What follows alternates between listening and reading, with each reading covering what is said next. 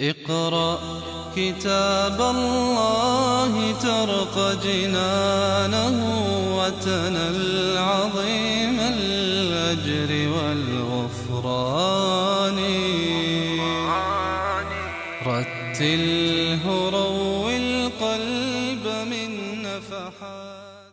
إذا أثنى الله تعالى أولا على المهاجرين ثم أثنى ثانيا على الأنصار. فنحن يعني نشهد الله سبحانه وتعالى أننا نحب المهاجرين ونحب الأنصار الذين أحب بعضهم بعضا وأحبوا ربهم وأحبوا نبيهم صلى الله عليه وسلم. وشهد لهم الله تعالى في كتابه ونسأل الله تعالى أن يحشرنا معهم ويجمعنا بهم في جنات النعيم. وهكذا نقول إن كل مؤمن بالله ورسوله لابد أن تكون هذه من أصول دينه وإيمانه أن يحب هذا الجيل الذي أحبه الله ورسوله والا يتكلم فيهم إلا بخير. ولهذا قال سبحانه والذين جاءوا من بعدهم. هذا قد يكون معناه الذين جاءوا من بعد يعني من الذين جاءوا إلى المدينة من غير المهاجرين ومن غير الأنصار كالقبائل التي تأخرت وجاءت. والجمهور من المفسرين على أن المقصود الأجيال التي جاءت من بعدهم بعد عصر المهاجرين والأنصار فهؤلاء الذين جاءوا كما دل عليه السياق يحبون أولئك ويقولون والذين جاءوا من بعدهم يقولون ربنا اغفر لنا وبدأوا بأنفسهم لأن من السنة في الدعاء أن يبدأ الإنسان بنفسه قبل غيره. كما كان الأنبياء عليهم الصلاة والسلام في دعوتهم ربنا اغفر لي ولوالدي ربنا اغفر لنا ولإخواننا الذين سبقونا بالإيمان. فيدعون لمن سبقوهم بالإيمان وأول ما يشمل ذلك المهاجرين والأنصار. فدعوا الله تبارك وتعالى لهم بالمغفرة وأثنوا عليهم ووصفوهم بالأخوة ولإخواننا. فهم إخواننا فعلا ونحن إخوانهم وأي شرف وفضيلة ومجد أعظم من أن يعقد الله لواء الأخوة بغض النظر عن الجنس واللون والشكل والعنصر بين هؤلاء المؤمنين وبين كل من يحبهم ويثني عليهم إلى يوم القيامة. ربنا اغفر لنا ولإخواننا الذين سبقونا بالإيمان. السوره مقطع آخر عجيب أيضا وهو التفات إلى مجموعة أخرى كانت تعمل في الظلام ومن وراء الكواليس. مجموعة المنافقين. عبد الله بن أبي بن سلول وسبعة أو ثمانية من الرؤوس اليابسة المتصلبة آه، التي أصرت على آه، عدوانها وعلى جهلها كانت تعمل وتخطط في المعركة لكن دون جدوى. الله سبحانه وتعالى هنا يقول ألم ترى إلى الذين نافقوا؟ وهذا خطاب للنبي صلى الله عليه وسلم ولكل أحد. فهذه المجموعة من المنافقين الذين كانت تربطهم إحلاف مع اليهود ثم علاقات وصداقات. وصف الله تعالى هنا بالأخوة. ألم تر إلى الذين نافقوا يقولون لإخوانهم هم ليسوا إخوانا في النسب ولا حتى في العروبة لأن هؤلاء من بني إسرائيل وهؤلاء من العرب. وإنما الأخوة هنا أنهم كانوا حلفاء وأيضا أخوة لهم في الشر وحرب الله تعالى ورسوله صلى الله عليه وآله وسلم.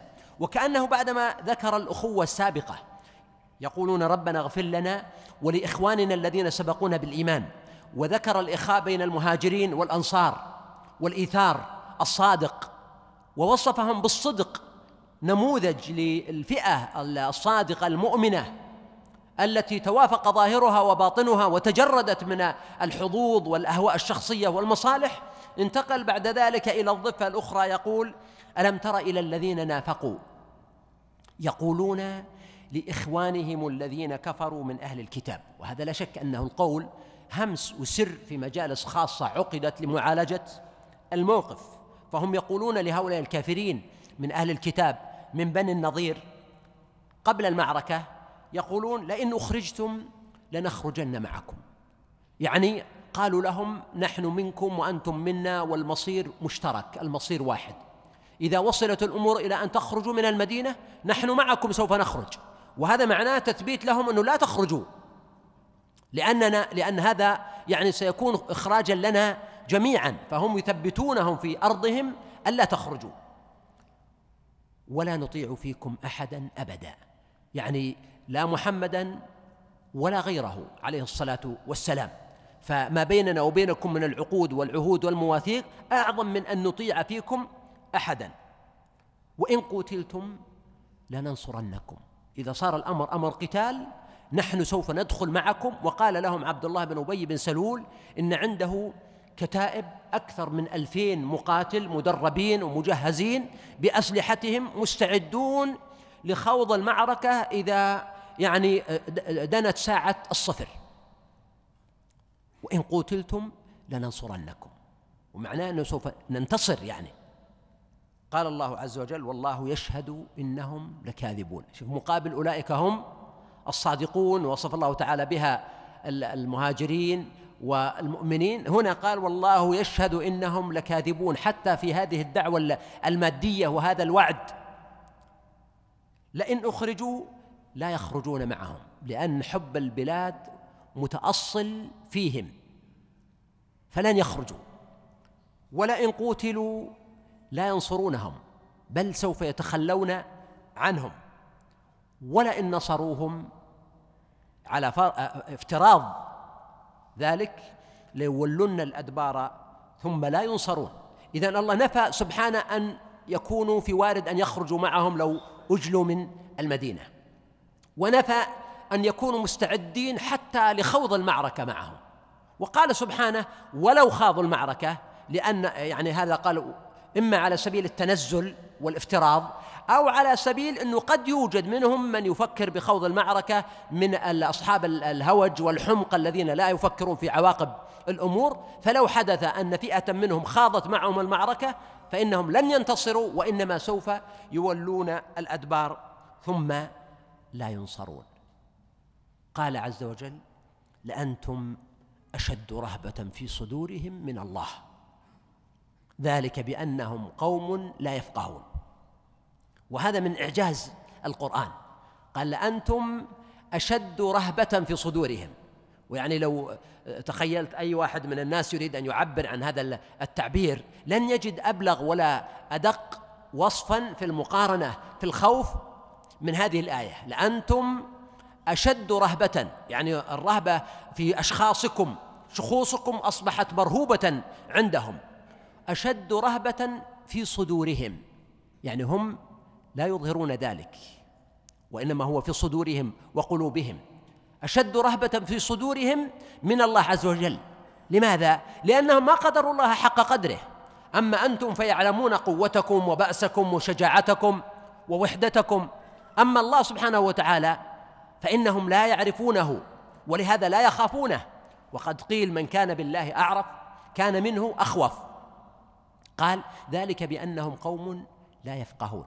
الفقه هو المعرفة القلبية المعرفة الباطنة تسمى فقها. ومعرفة الله هي من المعرفة الباطنة. لا يكفي فيها مجرد حفظ الأسماء أو قراءة الكتب حتى تلامس معرفته القلوب فتورث الخشية. ولهذا قال ذلك بأنهم قوم لا يفقهون. ولو كان عندهم فقه لخافوا الله عز وجل. لا يقاتلونكم جميعا. لا يقاتلونكم جميعا. يعني هؤلاء الناس والكلام يصدق على اليهود وعلى المنافقين معا لأن ليس أحد آه، الطرفين بأولى برجوع الضمير إليه من الآخر. فهذه صفة أنهم يخافون المؤمنين أكثر مما يخافون الله. وهل هم يخافون الله؟ قد يوجد منهم من يعرف الله سبحانه وتعالى من معرفة بسيطة. اليهود أهل الكتاب والمنافقون أيضا آه، يعني أصلهم وثنيون ولكن عندهم إيمان بالله من حيث إنه موجود ولكن ليس عندهم الخوف الحقيقي من الله. قال لا يقاتلونكم جميعا. يعني مجتمعين. بمعنى أنه ليس لديهم استعداد أن يخوضوا معركة عسكرية جيش مقابل جيش. هذا معنى لا يقاتلونكم جميعا. سبحان الله لما تقرأ التاريخ كله انظر ما هي المعارك التي خاضها جيش يهودي في التاريخ مقابل جيش. يعني رجال مقابل رجال أو خيول أو فرسان مقابل فرسان. لا تجد شيء من ذلك. ليس لديهم القدرة على المواجهة العسكرية من خلال صفوف كما كانت عادة الناس في القتال في بلاد العرب وغير العرب. لا ليس لديهم القدرة على ذلك. أن يحمل السيف ويكون في مواجهة الآخرين لا تجد هذا في تاريخ اليهود. يعني مثلا الصليبيون قاتلوا قتالا مستميتا قاتلوا المسلمين في الحروب الصليبية وقاتلوا الدولة العثمانية ولهم معارك ومواقع. أما بالنسبة لليهود فهم ليس لديهم الاستعداد على المواجهة. ولهذا قال لا يقاتلونكم جميعا يعني صفوفا في مقابلة صفوف. وكأن المعنى ينتهي بهذا أنهم لا يقاتلونكم جميعا قال إلا في قرى محصنة. أي ولكن كأنه استئناف كلام جديد في قرى محصنة يعني لديهم استعداد بالكيد والمكر والقتال من وراء وراء والتترس وما أشبه ذلك من الأحابيل والحيل التي يتفننون فيها في القتال. وهذا ما تجده اليوم. منذ الخطوط آه، التي كانت آه، كانوا يعملونها خط بارليف وغيره إلى الجدار العازل الذي يبنونه الآن إلى يعني الفضائح التي ظهرت في حرب غزة أنهم كانوا يستعملون الحفاظات للجنود بسبب أنهم يعني يتبولون على أنفسهم من شدة الرعب والخوف. وهذه يعني يبدو أنها حقائق وليست آه، يعني دعايات. فهنا الله سبحانه وتعالى يقول إلا في قرى محصنة. ولذلك كانوا يستخدمون الحصون المنيعة التي يمتنعون بها في الحرب أو من وراء جدر جمع جدار. أما المواجهة فهم لا يحسنونها ولا يتقنونها لأن الرعب يعصف بقلوبهم. بأسهم بينهم شديد. إما أن المعنى بأسهم بينهم شديد يعني إذا اجتمعوا وجلسوا قوى بعضهم بعضا وقالوا سنفعل وسنقاتل وكذا. فإذا جد الجد وحزب الأمر غيروا ذلك وإلا فالمعنى الثاني وهو أصح وأقوى أن قوله بأسهم بينهم شديد يعني خلافاتهم فيما بينهم قوية. ولهذا قال عقب بقوله تحسبهم جميعا وقلوبهم شتى. ففيما بينهم مختلفون وهم قبائل والآن هم في إسرائيل أحزاب. وجماعات من الأشكناز والسفرديم وغيرهم من مكونات المجتمع اليهودي وكذلك الأحزاب اليمينية واليسارية وغيرها. وعندهم خلافات نعم أحيانا في حالة التمكين بحبل من الله أو حبل من الناس. ربما تختفي هذه الظواهر ظواهر الاختلافات ويبدو كما قال تحسبهم جميعا. لكن الواقع أن قلوبهم شتى يعني مشتتة مختلفة. ولذلك يعني إذا سقط الجمل كما يقال سقطت آه، إذا كثرت آه، سكاكينه فلو وقع لهم واقعة ضخمة وكبيرة بدأت الاختلافات بينهم والتلاوم والسب والشتم والتبرؤ بعضهم من بعض. فهنا قال بأسهم بينهم شديد. حربهم وخلافهم وشرهم على بعضهم شديد. تحسبهم جميعا وقلوبهم شتى. ذلك بأنهم قوم لا لا يعلمون. الأول قال لا يعقلون.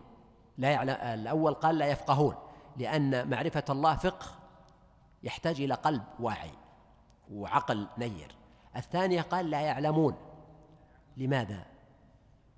ذلك بأنهم قوم لا يعلمون. لا يعقلون نعم. ذلك بأنهم قوم لا يعقلون. لماذا؟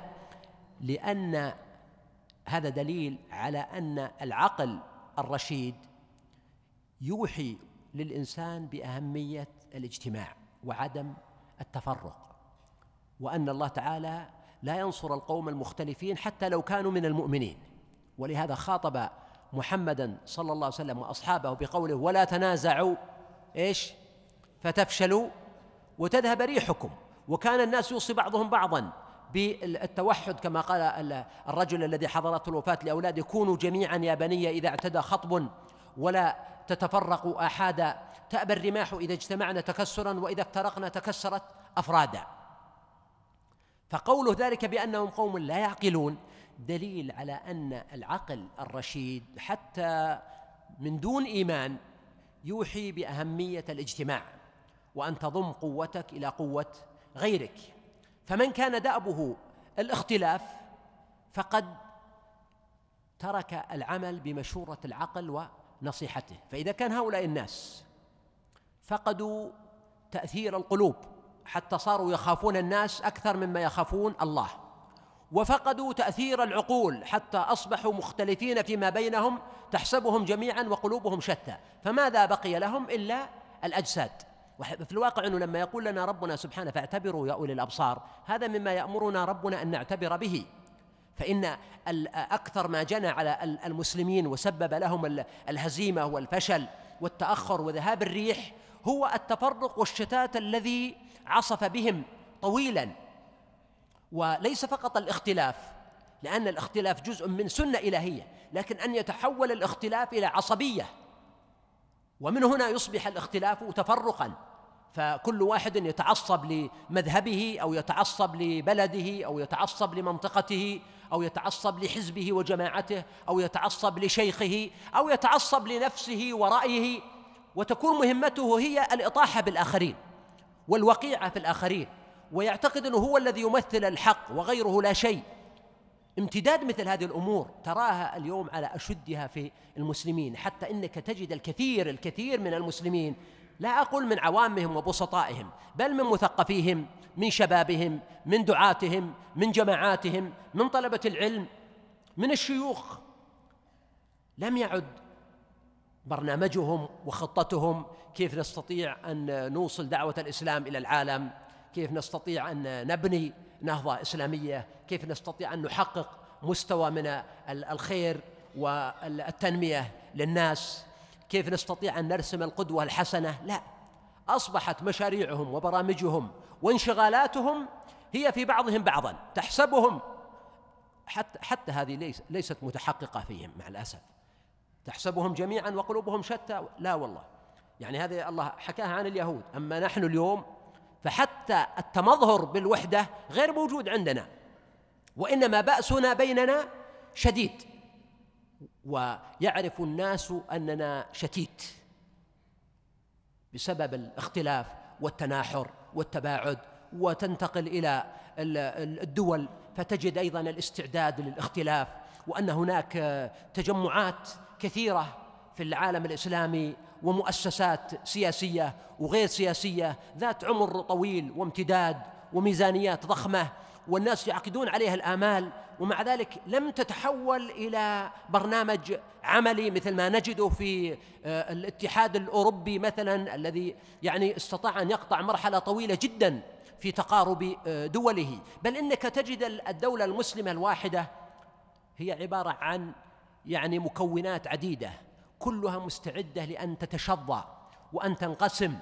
وكم من يعني دولة مثل الصومال الآن هي عبارة عن دول. تقول ماذا يوجد في الصومال أصلا؟ يتقاتل الناس على ماذا؟ ومع ذلك هي عبارة عن دول. وفي الدولة الواحدة أو المدينة الواحدة جماعات وكل جماعة تتحدث باسم الله وتتكلم بالقرآن والسنة وهي مستعدة أن تفنى وتفني الآخرين. بأسهم بينهم شديد. فهذا مما حذرنا الله منه لأن الله سبحانه وتعالى نهانا أن أن نتشبه بأهل الكتاب وأن نتشبه بالمشركين. وقال ولا يكونوا كالذين أوتوا الكتاب من قبل فطال عليهم الأمد فقست قلوبهم. والبعض قد ربما يحاذر أن يتشبه بهم في أشياء شكلية لكنه يقع في التشبه بهم في الجوانب الأخلاقية والجوانب العملية والجوانب التربوية وفي حياته. وهذه أمور ينبغي ينبغي أن ندندن حولها وأن نتقي الله تعالى فيها ونتواصى بها ولا نمل ولا نكل ولا نيأس. حتى يأتي ذلك الجيل الذي يدرك أهمية أن يكون المؤمنون فريقا واحدا مندمجا فيما بينه وأن نركز على جوانب التوفيق وعلى الجوانب المشتركة التي هي أصول من أصول التوحيد وأصول الإيمان وأصول العبادات وأصول الأخلاق. وأصول المصالح أيضا بدلا من التركيز الدائم على أصول الاختلاف وتضخيمها وجعلها تشكل حاجزا وجدارا بينك وبين الآخرين. اقرأ كتاب الله ترق جنانه وتنل عظيم الأجر